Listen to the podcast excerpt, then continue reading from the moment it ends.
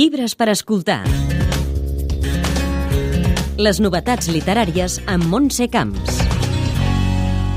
Mentre el món encara lluita per superar la pandèmia de la Covid, hi ha una altra epidèmia que alguns els pot quedar lluny, tot i que va ser devastadora als anys 80 i encara provoca al voltant d'un milió de morts al món cada any. Parlem de la sida, un tema que l'escriptora nord-americana Rebecca Mackay aborda la seva aclamada novel·la Els grans optimistes, que s'ha publicat ara en català i castellà.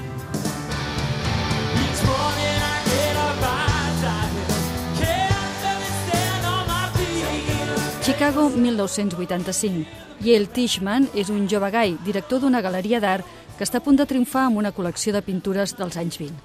Però al seu voltant tot trontolla perquè un rere l'altre el seu cercle d'amics es va infectant de sida i van morint. És el punt de partida de la novel·la que parla dels efectes devastadors de la sida. Nascuda el 1978, Mackay era petita quan es va declarar l'epidèmia i per això es va documentar i va mantenir entrevistes amb supervivents d'aquella època, amb alguns dels quals explica van acabar plorant junts. En una entrevista a aquesta emissora explica que va traslladar al paper tota la càrrega i la dificultat emocional. ended up learning Hi ha tota una part psicològica sobre el sentiment de culpabilitat de qui sobreviu, la psicologia del que implicava al principi no saber si estaves malalt. Què li passa a una persona de 22 anys que rep una sentència de mort, que li diuen que en pocs mesos morirà i resulta que passen 30 anys i encara viu quan s'havia preparat per morir? Be dead. L'extensa novel·la s'endinsa en la por, el terror, de fet, que van viure les persones afectades els primers anys de l'epidèmia.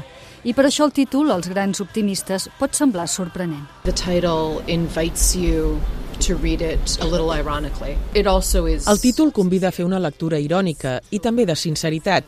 Et planteges a quines esperances s'aferren aquests personatges? Com pot ser que trobin motius d'alegria i esperança malgrat tot el que els està passant? Confien massa en la gent? Són massa crèduls? Primer entre ells i també amb el govern, pensant que trobaran una cura a temps. Al llarg de tot el llibre hi ha aquest eix que és en qui podem confiar, qui és autèntic, who to trust, what to trust, what's authentic.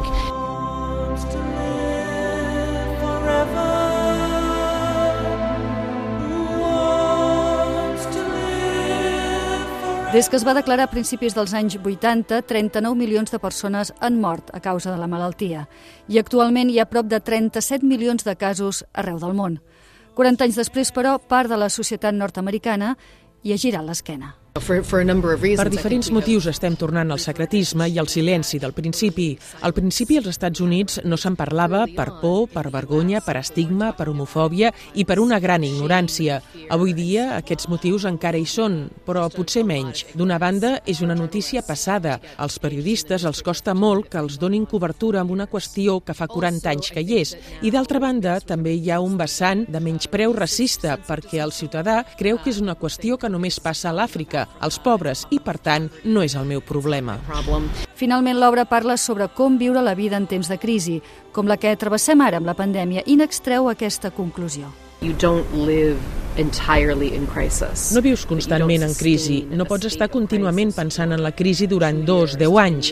Tens la resta de la teva vida, altres coses que t'ocupen.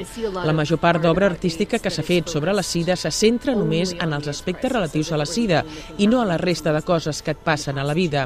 Ho hem vist aquests dos anys.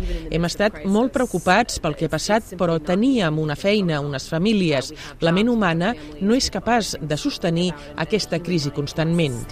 Kind of crisis. Les editorials Periscopi i Sexto Piso publiquen la novel·la que va quedar finalista al Premi Pulitzer el 2019 i el National Book Award del 2018.